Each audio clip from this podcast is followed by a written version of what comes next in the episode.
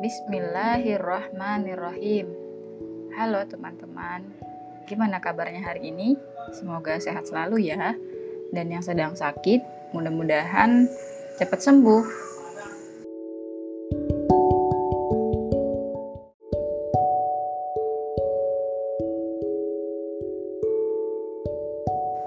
Kasih sudah mau mendengarkan podcast Ruang Jia. Mudah-mudahan ada kebaikan yang bisa kita ambil dan kita bagi kepada sesama.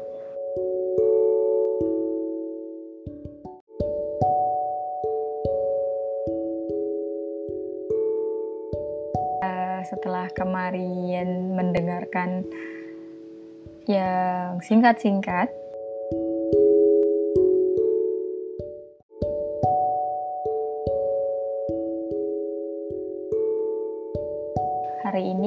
bicara yang agak panjang.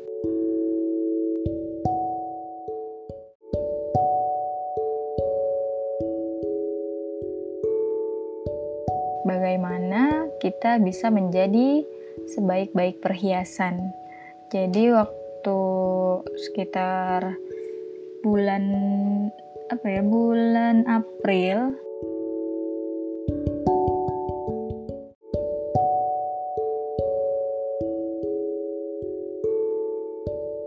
tahun ini ya tahun 2021 ini diminta untuk ngisi kajian kemuslimahan.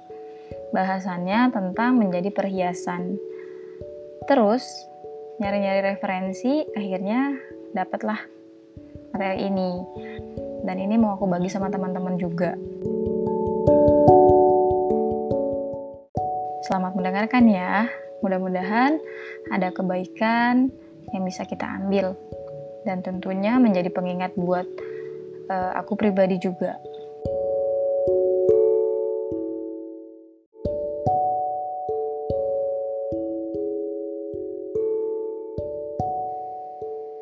Bismillahirrahmanirrahim.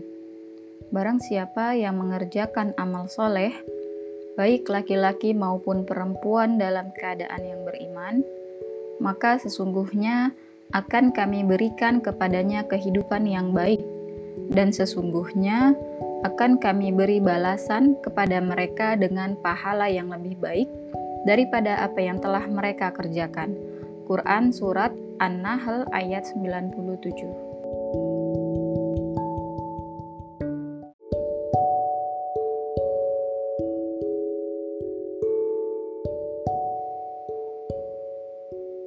dibuka dengan surat An-Nahl ayat 97 untuk mengingatkan kita bahwa baik laki-laki maupun perempuan jika kita mengerjakan amal soleh dalam keadaan yang beriman kita akan mendapatkan kehidupan yang lebih baik dan akan mendapatkan balasan yang lebih baik dari Allah atas apa yang telah kita kerjakan.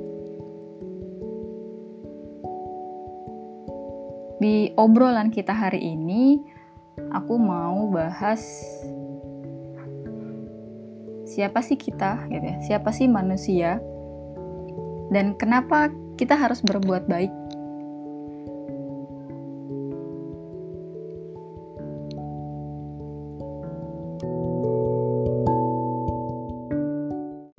Di sini kita mau bahas bagaimana kita bisa memahami siapa kita, mau ke mana kita, dan apa yang akan kita lakukan sebagai manusia.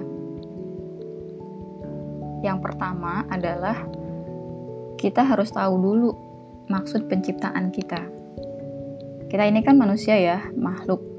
Allah itu khalik, khalik yang menciptakan. kita sebagai makhluk atau sebagai yang diciptakan ketika diciptakan oleh Allah itu ada maksudnya. Maksudnya apa? Ada di Quran surat Az-Zariyat ayat 56 dan tidak aku ciptakan jin dan manusia kecuali untuk beribadah kepadaku. Jadi memang kita diciptakan ini maksudnya adalah untuk beribadah kepada Allah. Kok Allah menciptakan kita untuk itu.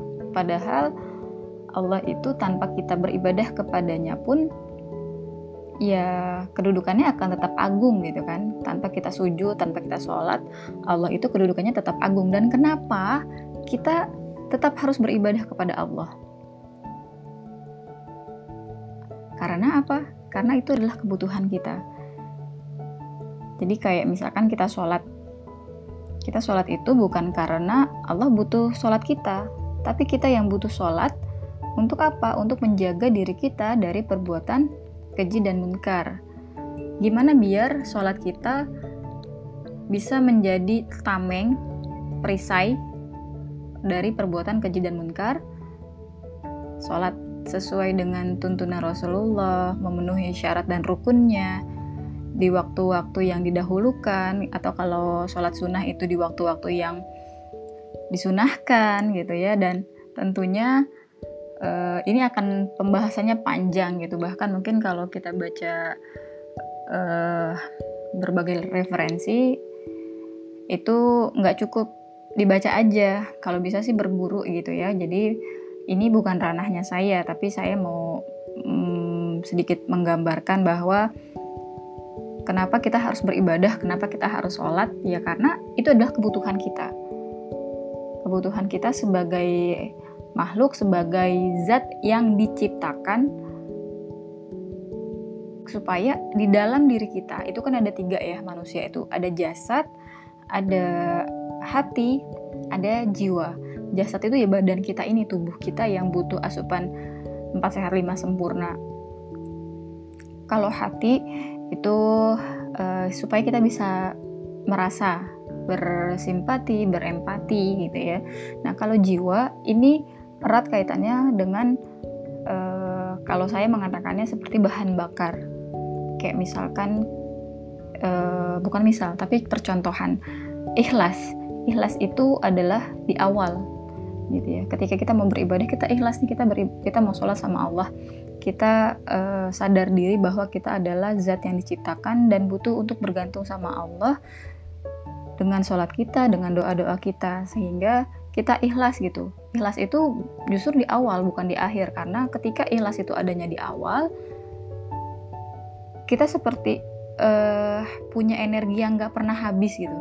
Kita punya energi bahan bakar yang ngalir aja gitu dan nggak nggak peduli deh ketika kita beribadah, ketika kita berdoa kemudian Allah tidak mengabulkan doa-doa kita, ya udah kita ikhlas aja gitu. Karena ada satu keyakinan bahwa ketika Allah mengabulkan doa kita pada pada saat kita minta dan sesuai persis seperti apa yang kita minta itu adalah karunia Allah. Ketika Allah mengganti dengan sesuatu yang lebih baik yang menurut kita itu tidak baik, padahal menurut Allah baik, itu adalah bentuk perlindungan Allah, bentuk penjagaan Allah. Dan yang paling berat, kenapa kita harus ikhlas ketika kita berdoa, ketika kita beribadah kepada Allah?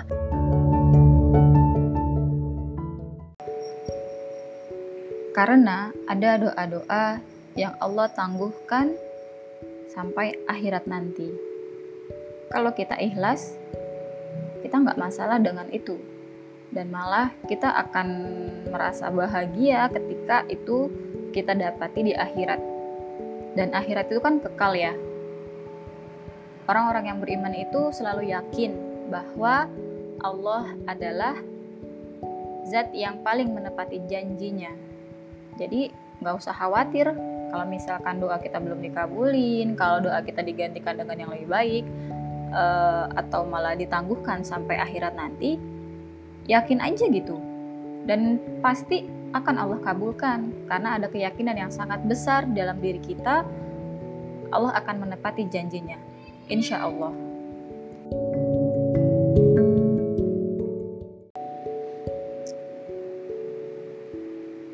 Poin kedua, supaya kita paham manusia itu kenapa harus berbuat baik, kita harus tahu apa tujuannya kita manusia itu diciptakan. Kita bisa lihat di Quran di, di Quran surat Al-Baqarah ayat 30. Di situ ada kalimat bahwa akan dijadikan khalifah di bumi manusia khalifah itu ya pemimpin gitu ya dari sekalian makhluk yang Allah ciptakan. Manusia dibekali akal untuk berpikir, hati untuk merasa, terus juga diberi kemampuan sama Allah untuk melindungi bukan hanya dirinya, tapi juga makhluk-makhluk lain yang ada di bumi. Maka dikatakan sebagai khalifah ya di Quran surat Al-Baqarah ayat 30 itu. Kita memahami tujuan penciptaan manusia sebagai khalifah di muka bumi. Maka kita jadi bisa apa membangun kepedulian, membangun perhatian sama lingkungan kita, termasuk di sini contoh sederhananya adalah bagaimana kepedulian kita sama tetangga misalnya. Kita diciptakan sebagai khalifah di muka bumi sama Allah. Kita sebagai pemimpin, maka selayaknya selayaknya pemimpin maka sudah menjadi keharusan kita menjadi teladan bagi orang-orang yang ada di sekitar kita kepada bawahan, kepada orang-orang yang kita pimpin, kepada teman-teman di lingkungan kita, tetangga kita, di tempat kerja, atau bagi yang sudah berkeluarga, sebagai perempuan khususnya adalah teladan bagi anak-anaknya. Maka ketika kita menjadi baik itu sebenarnya bukan hanya untuk diri kita sendiri, tapi juga untuk orang-orang yang ada di sekitar kita. Bahkan kalau kita mau lebih jauh lagi gitu ya dari tujuan penciptaan manusia ini sebagai pemimpin adalah bagaimana kita mau mengambil bagian yang nantinya akan aku bahas di poin yang ketiga.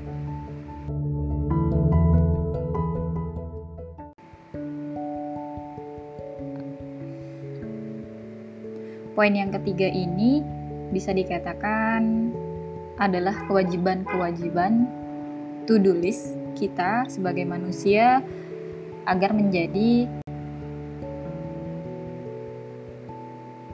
perhiasan agar menjadi manusia yang baik dalam keadaan beriman agar menjadi manusia yang mampu mengerjakan amal-amal kebaikan dengan tetap berpegang teguh pada Allah. Yang pertama tentunya adalah kewajiban kita kepada Allah. Ya, tadi ya yang di awal banget disampaikan bahwa kita maksud penciptaannya adalah untuk beribadah kepada Allah. Maka gimana caranya? Ya kita kerjakan. Kita tunaikan kewajiban-kewajiban kita sama Allah itu sholat, zakat, menjaga hubungan baik kita dengan Allah, biar Allah senang sama kita. Kebayang nggak kalau misalkan urusan-urusan kita itu mudah bukan karena kita bisa, bukan karena kita mengupayakannya, tapi itu adalah bentuk pertolongan Allah, itu adalah uluran tangan Allah yang memudahkan urusan kita. Tapi Allah juga nggak ngebiarin kita mengerjakannya dengan mudah kan ya, artinya kita juga berupaya, kita juga berdoa. Ada sebuah ungkapan, doa tanpa usaha itu bohong dan usaha tanpa doa itu sombong. Artinya usaha kita, doa kita itu harus sejalan. Maka itu bisa dikatakan sebagai misi pertama kita sebagai manusia. Yang kedua adalah kewajiban kepada Rasulullah. Tadi di poin kedua kan ada statement ya bahwa aku sampaikan manusia itu harus menjadi teladan yang baik untuk orang-orang yang ada di sekitarnya. Nah, kita akan mencontoh siapa? Kita akan mencontoh Rasulullah Shallallahu Alaihi Wasallam, Nabi Muhammad ya, yang itu disampaikan di Quran surat Al-Ahzab ayat 21 yang biasanya dibacain tuh ketika Maulid Nabi bahwa telah ada pada diri Rasulullah suri tauladan yang baik. Maka kalau kita mau nyari idola mau nyari role model ya ada pada diri Rasulullah. Kita sesuaikan sama diri kita. Teladan mana dari Rasul yang paling dekat dengan kehidupan kita yang paling bisa kita teladani sehingga itu bisa memudahkan kita mengejar amalan-amalan beliau meskipun nggak akan pernah sampai sih tapi paling enggak kita berupaya gitu ya dan kita mencontoh Nabi Muhammad Shallallahu Alaihi Wasallam dengan segala kebaikannya, dengan akhlaknya, dengan perilakunya, dengan tutur katanya, ya. Jadi mudah-mudahan dengan demikian misi kita sebagai manusia bisa berjalan dengan penuh keberkahan dikatakan keberkahan karena tentu itu bukan sesuatu yang mudah ya jadi kita bermohon sama Allah untuk dimudahkan dan diberkahi atas setiap kebaikan yang kita lakukan dan itu doa yang biasanya selalu saya sampaikan selalu uh, aku ini nggak apa-apa ya campur aduk saya aku uh, aku sampaikan ke teman-teman juga ke diriku sendiri bahwa ketika mau melakukan kebaikan itu berharap dimudahkan dan diberkahi oleh Allah.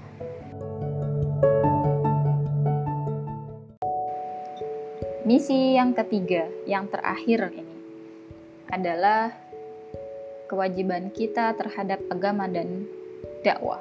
Ya, memang agak berat sebutannya, tapi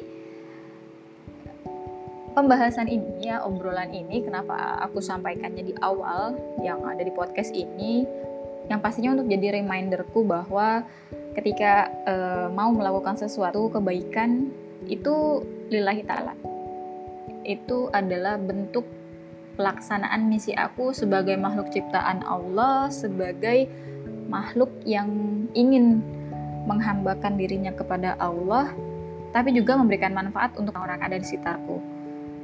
Dengan apa pun yang aku punya. Salah satunya ya berbagi di sini gitu. Dan ini menjadi uh, fondasi banget sih buat seorang jia ketika mau melakukan sesuatu.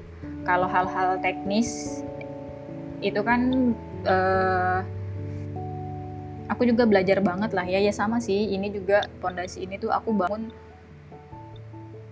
bertahap gitu ya. Nggak langsung jadi seperti sekarang. Ini udah melalui perjalanan hidup yang mungkin nggak um, semuanya aku ceritain sini tapi paling enggak ketiga hal ini yang kemudian membuat aku bisa seperti sekarang. Dan nanti uh, lebih jauhnya akan aku bagi di episode-episode podcast setelahnya ya mudah-mudahan. Jadi kalau dikatakan uh, kewajiban terhadap agama dan dakwah ini memang berat banget sih. Uh, tapi karena kita punya bahan bakar keikhlasan yang tadi di awal aku sampein kita akan nggak pernah nggak akan bosen gitu. Capek sih capek terus kadang pengen nyerah aja. Tapi kayaknya di dalam diri kita tuh nggak bisa membiarkan sesuatu itu uh, terbengkalai gitu. Pengennya turun tangan pengennya ngambil alih pengennya ngebantu apa pun yang bisa dibantu.